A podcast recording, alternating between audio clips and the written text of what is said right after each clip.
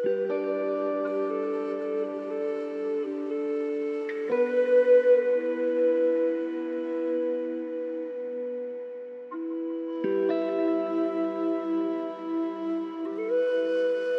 til Kirken podkast med prest Erna Rodal, ukens preken.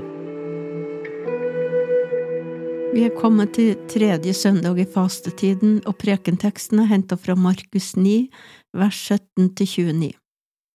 En i mengden sa, Mester, jeg er kommet til deg med sønnen min fordi han har en ånd som gjør han stum. Når den griper fatt i ham, kaster den han over ende så han fråder og skjærer tenner og blir helt stiv. Jeg ba disiplene dine om å drive den ut, men de maktet det ikke. Da sa han til dem, Du vantro slekt, hvor lenge skal jeg væres her hos dere? Og hvor lenge skal de holde ut med dere? Kom hit med gutten. De kom med ham, og straks ånden fikk se Jesus, rev og slet den i gutten, så han falt over ende og vred seg og frådet. Jesus spurte faren, Hvor lenge har han hatt det slik? Fra han var liten gutt, svarte han. Mange ganger har ånden kastet han både i ild og vann for å ta livet av ham, men om det er mulig for deg å gjøre noe, så ha medfølelse med oss og hjelp oss. Om det er mulig for meg, svarte Jesus, alt er mulig for den som tror. Straks ropte guttens far, Jeg tror, hjelp meg i min vantro. Da Jesus så folket stimle sammen, truet han den urene ånden og sa, Du stumme og døve ånd, jeg befaler deg, far ut av ham, og far aldri mer inn i ham. Da skrek den høyt og slet voldsomt i gutten og for ut. Gutten lå livløs, og alle sa at han var død, men Jesus tok han i hånden og hjalp han opp, og han reiste seg. Da Jesus var kommet i hus og disiplene var alene med ham, spurte de, Hvorfor var det ikke mulig for oss å drive den ut? Han svarte, Dette slaget er det bare mulig å drive ut ved bønn og faste. Slik lyder det hellige evangelium. Tredje søndag i fastetida er fastetida sin kampsøndag, kampen mellom lys og mørke og kampen mellom det onde og gode, der Jesus er den sterkeste. Men evangelieteksten i dag fra Markus 9 har også et fokus på troens kamp. Troen blir et viktig tema i denne teksten, og jeg skal ha et fokus på den og si litt om det. Jesus hadde nettopp kommet ned fra fjellet sammen med tre av sine disipler, Peter, Jakob og Johannes.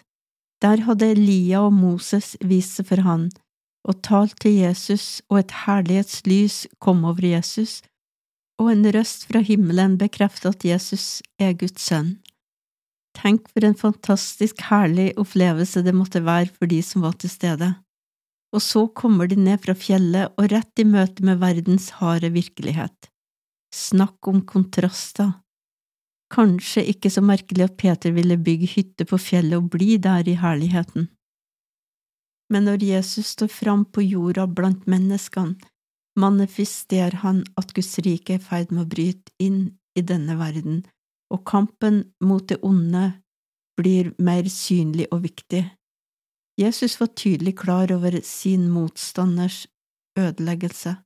Det onde var da, og det er fortsatt, en høyst nærværende virkelighet i dagliglivet. For vi har ikke en kamp mot kjøtt og blod, men mot makter og myndigheter, skriver Paulus i Efeserne 6,12. Ikke at vi skal fokus på det onde, men vi skal være klar over det onde. Når Jesus og de tre disiplene kommer tilbake til de andre, hadde samla seg en stor folkemengde, og en diskusjon var på gang. Disiplene hadde prøvd å helbrede en gutt som hadde en ond ånd i seg, men ikke fått det til, og gutten er med andre ord veldig syk og trenger legedom. Faren til gutten er fortvila og prøver alt han kan for å få hjelp til sønnen sin, han hadde sikkert hørt om Jesus og om de undrene som Jesus hadde gjort. Så kommer han med sønnen sin for å få hjelp, men Jesus er ikke der. Da ber han disiplene om hjelp, men de kunne ikke hjelpe han, selv om de prøvde. Situasjonen ser håpløs ut, og disiplene er maktesløse. Du vantro slekt, utbryter Jesus. Her tar Jesus om sin generasjon, altså sin slekt. Her står disiplene og diskuterer istedenfor å be og ha tillit til Gud og Guds kraft. Tingen er at disiplene ser mer, mer på sin egen tilkortkommenhet enn å ha tillit til Gud og det Han kan. Om det er mulig for meg, alt er mulig for den som tror, svarer Jesus.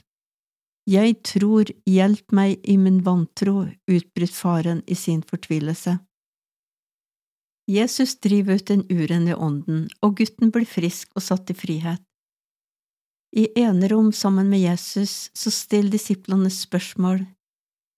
Hvorfor var det ikke mulig for oss å drive ut denne ånden, spør de. Jesus svar setter lyset på en viktig sannhet. Vi kan ikke stole på egne evner når vi skal be for mennesker til frihet fra plager og sykdom. Vi må stole på Gud. Bare Guds kraft kan sette mennesket i frihet fra plager og helbrede sykdom, og da må vi be. Men å be og få bønnesvar er ikke som å svinge en tryllestav.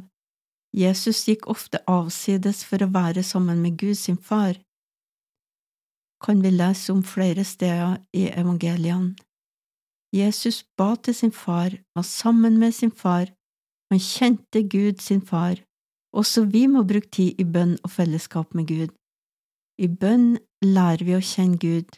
Jo mer vi lærer å kjenne Gud, jo større tillit får vi til Han, fordi vi vet hvem Han er og hva Han kan. Tro er ikke noe vi kan prestere, tro er tillit til Gud, tillit til at Han kan. Når vi veit hvem vi ber til, har vi også tillit til at Han kan. Når vi da kommer opp i en situasjon der vi må be for noen som trenger hjelp, så setter vi vår lit til Gud og Guds kraft og ikke til oss sjøl.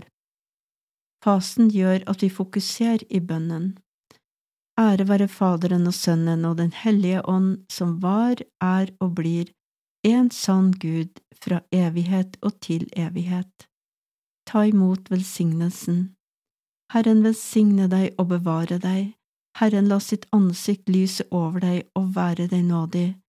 Herren løfte sitt ansikt mot deg og gi deg fred.